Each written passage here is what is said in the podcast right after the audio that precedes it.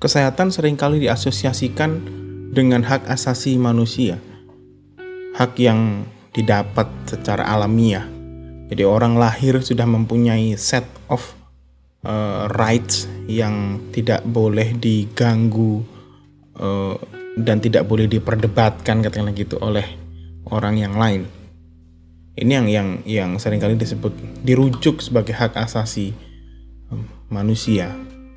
Jadi hak yang tidak tidak uh, semua yang mempunyai uh, nyawa dan mempunyai badan sebagai manusia, dia uh, lahir dengan hak ini.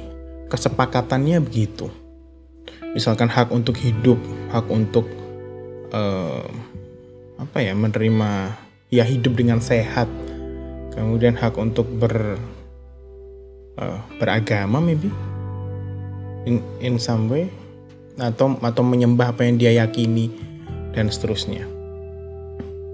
Tapi semakin uh, negara modern itu berkembang, sistem ekonomi, sistem politik berkembang, uh, sering kali hak asasi manusia dengan kepentingan-kepentingan politik, kepentingan ekonomi uh, itu berkonflik, artinya saling berhadapan gitu, saling apa ya ingin menguasai. Jadi uh, yang disebut dengan hak asasi manusia itu sering kali dikalahkan atau dilanggar dalam proses-proses politik, proses ekonomi. Misalkan satu negara dia ingin memajukan ekonominya, kemudian dia ingin uh, untuk memajukan ekonominya dia perlu membuka uh, apa industri baru, industri baru, industri baru dia butuh lahan, butuh lahan, butuh uh, bahan bakar, kemudian dia mengambil lahan dari orang-orang yang ada di sekitarnya untuk membuka lahan industri baru. Kemudian sering kali konflik kepentingan itu ada di sana. Jadi masyarakatnya terancam sebagai individu, sebagai kelompok masyarakat dia terancam. Eh, negaranya berposisi sebagai agresor, sebagai yang mengancam.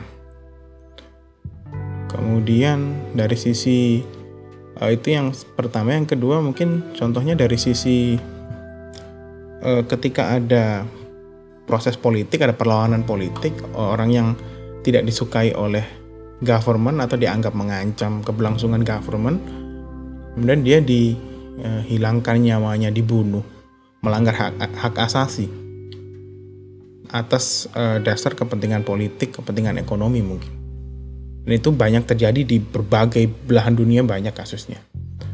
Uh, contoh yang uh, bisa dirujuk mungkin adalah uh, yang kedua adalah hari ah sorry sejarah International Day for the Elimination of Violence Against Women 16 hari penghapusan kekerasan seksual terhadap perempuan sejarahnya adalah ada kakak beradik tiga orang kalau nggak salah perempuan Mirabal Sisters tahun sekitar tahun 60-an kalau tidak salah ya. 50 atau 60-an sorry. Ah, correct me if I'm wrong.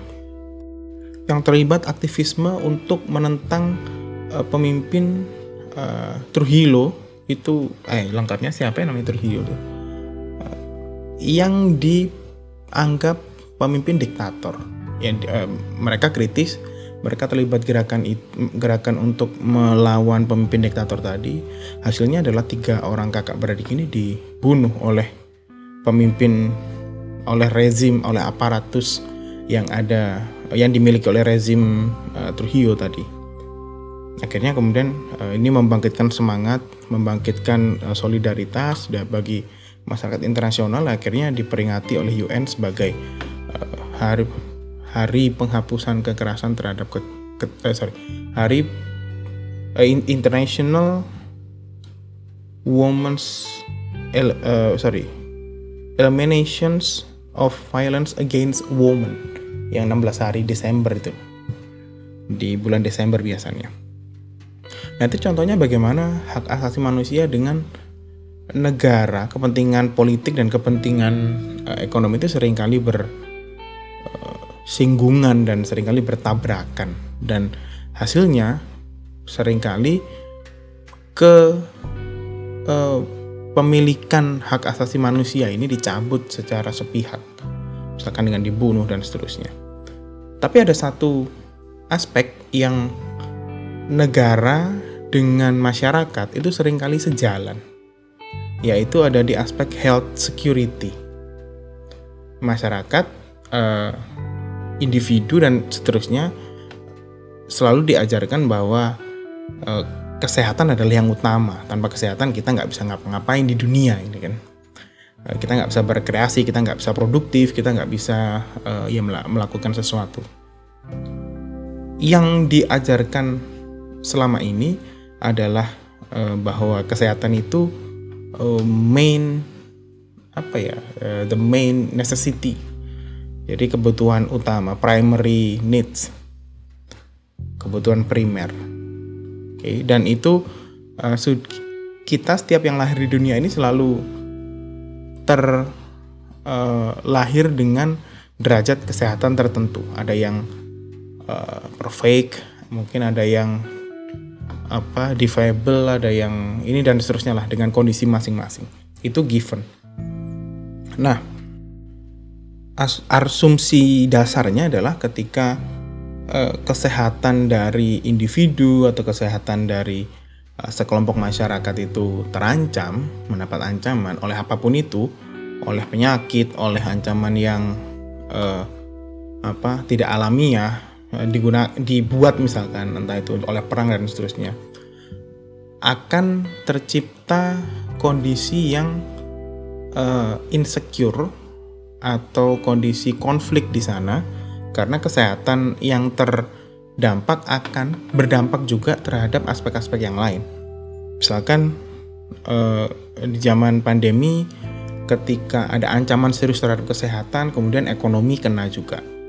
Kemudian eh, mental health misalkan yang sempat didiskusikan kemarin kena juga. Kemudian struktur keluarga, kemudian eh, Iya banyak hal karena itu basic fundamental dari organisasi sosial. Uh, bahkan basic fundamental dari individu adalah kesehatan. Nah di sini sering kali terjadi interseksi antara bagaimana individu dan uh, kelompok masyarakat melihat, mempersepsi uh, kesehatan sebagai bagian dari human security dan negara. Jadi ketika kita ngomong soal kesehatan negara dan masyarakat ini biasanya kepentingannya ketemu di sana.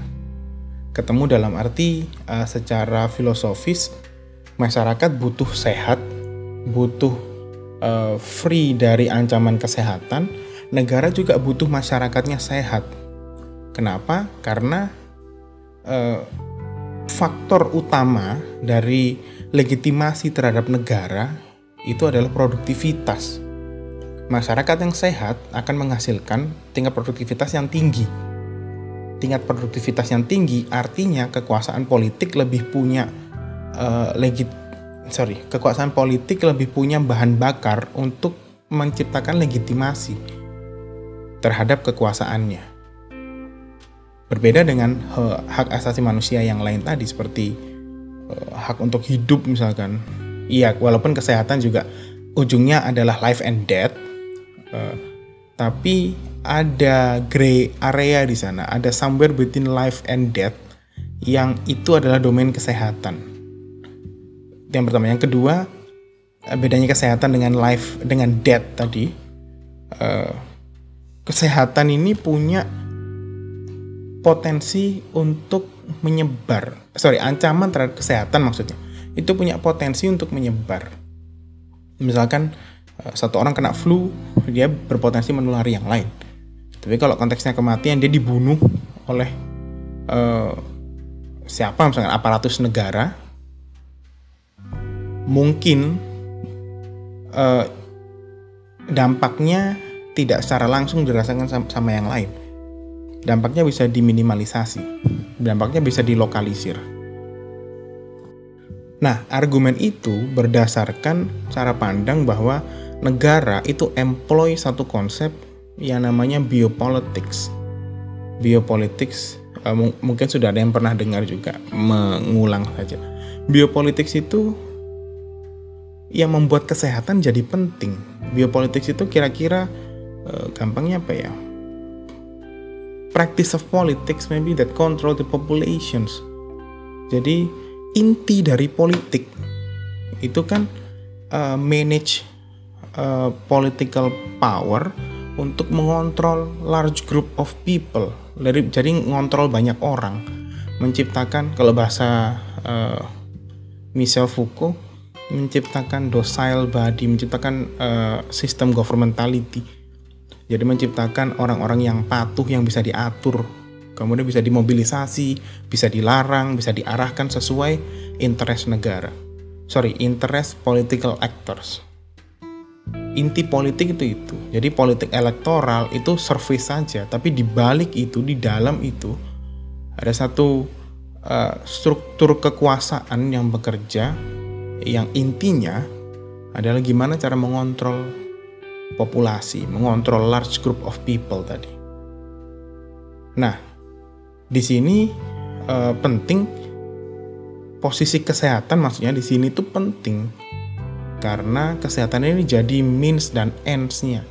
Jadi jadi alat dan juga jadi tujuan mengontrol masyarakat melalui kesehatan untuk menciptakan masyarakat yang yang sehat Kenapa masyarakat harus sehat? Ya balik lagi ke yang pertama tadi. Masyarakat sehat itu akan bermanfaat bagi negara karena mereka produktif.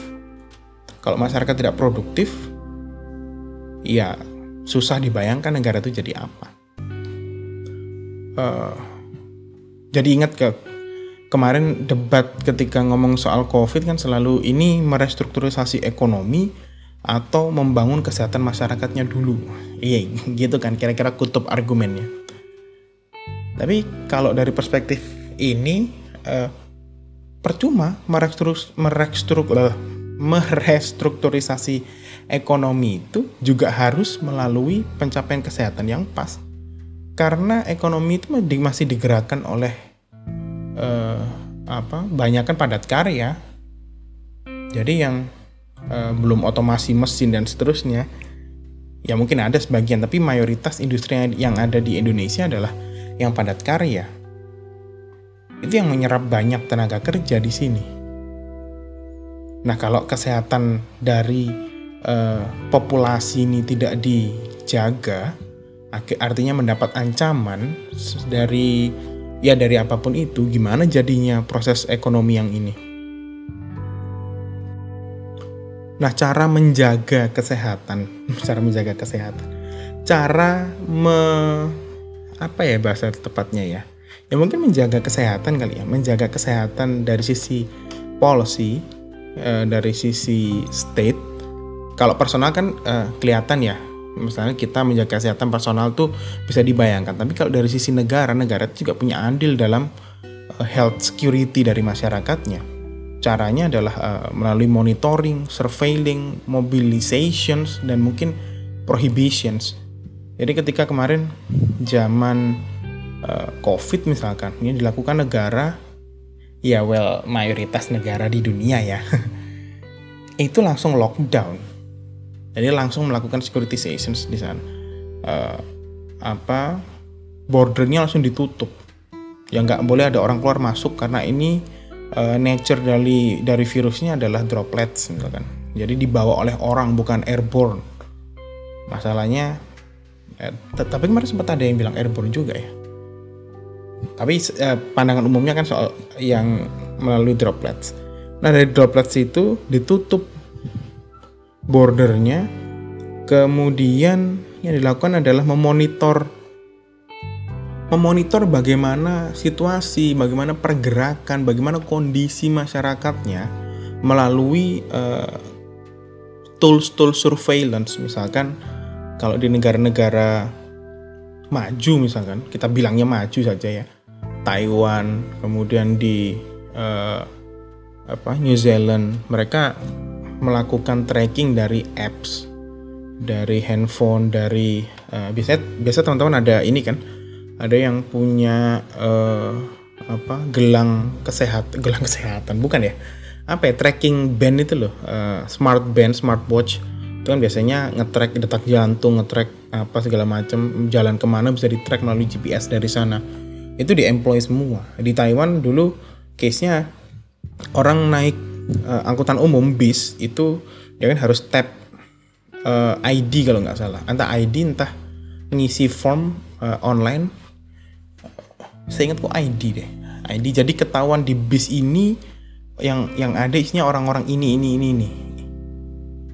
Kemudian yang terjadi adalah ketika ada problem dengan salah satu orang itu misalkan dia melapor positif langsung di trackingnya gampang di sana fungsi government sebagai surveillance employing biopolitics uh, untuk mengatur mobilisasi massa kemudian uh, monitoring surveilling uh, bagi, kesehatan masyarakatnya itu berjalan. Tapi di banyak tempat juga tidak berjalan juga. Tapi sistem yang begitu, sistem yang advance tadi tidak dibangun dalam eh, satu dua tahun sudah ada rentetan uh, kebijakan yang progresnya ke arah uh, datafications, datafikasi. Jadi ekstrak data dari masing-masing uh, warga negara itu tidak hanya soal KTP, tidak hanya soal uh, SIM dan seterusnya seperti di sini, tapi juga soal uh, rekam medis misalkan kemudian preferensi dan seterusnya. Nah, memang akan muncul uh, ironi, kontradiksi di satu di satu sisi model governmentality yang begini, uh, model governance yang begini tadi itu akan positif membawa uh, positif ketika datanya dibutuhkan, misalkan dalam konteks COVID begini untuk monitoring, surveilling.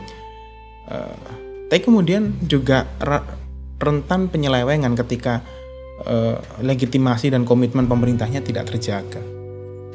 Kan di di Indonesia misalkan kita sering kalau teman-teman lewat satu pusat, pusat perbelanjaan atau restoran tertentu biasanya di handphone langsung ada SMS dari yang mengatasnamakan restoran tersebut promo-promo dan seterusnya. Itu mereka tahu data kita dari mana. Tahu posisi kita lewat situ dari mana. Itu kan pertanyaan besar. Nah kebijakan-kebijakan yang nuansa biopolitiknya kuat itu juga ketika kita ngomong soal PSBB misalkan PPKM, prioritas vaksin, siapa yang berhak divaksin, siapa yang tidak, siapa yang berhak duluan dan siapa yang tidak, nakes didulukan, oh, lansia didulukan, tapi yang muda-muda yang yang sekiranya di usia produktif uh, bertahap dulu. Itu itu kan ada manajemen resource di sana. Yang diprioritaskan adalah orang-orang yang dengan resiko tinggi, lansia, nakes, dan pejabat publik misalkan. Karena dia memegang hajat hidup orang banyak. Secara konsep menarik. Tapi uh, kalau kita tanya ke basic filosofinya adalah siapa negara sehingga dia berhak menentukan siapa yang dapat vaksin dan slash selamat duluan dari COVID. Nah, itu itu pertanyaan kalau kita menggunakan cara pandang biopolitics, melihat uh, health security. Tapi tugas negara itu memang memang uh, ada di sana ketika kita uh, ada problem kesehatan, tugas negara itu mengatasinya dengan uh, mobilisasi resource tadi. Mobilisasi resource ini pertimbangannya apa? Biasanya adalah logical places atau populations logical population mak maksudnya orang-orang yang secara uh, yang dijaga adalah sebenarnya bukan life expectancy tapi productivity. Logika di balik itu kita tidak sedang ngomong konsep ini jelek atau negatif enggak. Ini ini cara kita menjelaskan bagaimana proses uh, governance governmentality uh, dalam health security itu bekerja. Ketika ada masalah kesehatan tugas negara itu ngatur resource-nya. Oh siapa yang punya peluang hidup lebih besar. Itu kemudian mungkin uh, diposisikan bagaimana. Dalam covid misalkan yang muda yang uh, belum uh, yang usia produktif yang kira-kira imunnya masih kuat dia jangan divaksin dulu. Dulu kan yang nakes yang di, di depan yang lansia yang imunnya ini dan dan segala macam. Karena dari situ nanti akan meng mengurangi productivity dari masyarakat. Oke, okay, ekonomi. Ini yang disebut uh, Michel Foucault sebagai neoliberal government. Jadi pertimbangannya pertimbangan ekonomi. Masyarakat itu di depan negara dilihat sebagai statistik. Makanya yang di uh, narasi yang dikembangkan oleh pemerintah di mana pun adalah flattening the curve. Jadi gimana cara melandaikan kurvanya itu? Karena dalam uh, problem dengan global health sering kali uh, analogi dari uh, masalah kesehatan itu ya di angka, diwakili oleh angka. Nah itu kira-kira health itu uh, memang salah satu wilayah di mana biopolitics itu paling kelihatan di sana. Mungkin dengan pendidikan nanti, tapi uh, yang menjamin keberlangsungan hidup manusia ya aspek kesehatan. Itu kira-kira di mana uh, aspek human security, uh, HAM dan uh, kepentingan politik dan ekonomi itu ketemu ya di sering kali di aspek health ini. Kita, uh, kita mungkin diskusi lebih lanjutnya adalah data-data kesehatan itu biasanya jadi ladang bisnis, kesehatan itu juga jadi bisnis. Misalkan kemarin ada tuduhan vaksin itu uh, bisnis yang luar biasa gede jumlahnya. Might be right maybe right maybe true. Uh, tapi itu itu itu inilah uh, data-datanya belum proven secara akademik dan belum valid. Itu it, itu kira-kira gambaran bagaimana health security katanya dengan biopolitics uh, works jadi apalagi di masa pandemi begini banyak orang yang taken everything for granted. Jadi, oke okay, kesehatan itu penting, but why? Oke okay, negara wajib menjamin hak masyarakatnya, but why? How? Uh, oke okay, COVID mengancam uh, health security, oke okay, how? Kemudian uh, posisi pos, masing-masing gimana? Itu sih. There's a lot to to dis to be discussed about this. Uh, it might it might turn out to be very interesting topics. Okay, see you on discussions. Bye.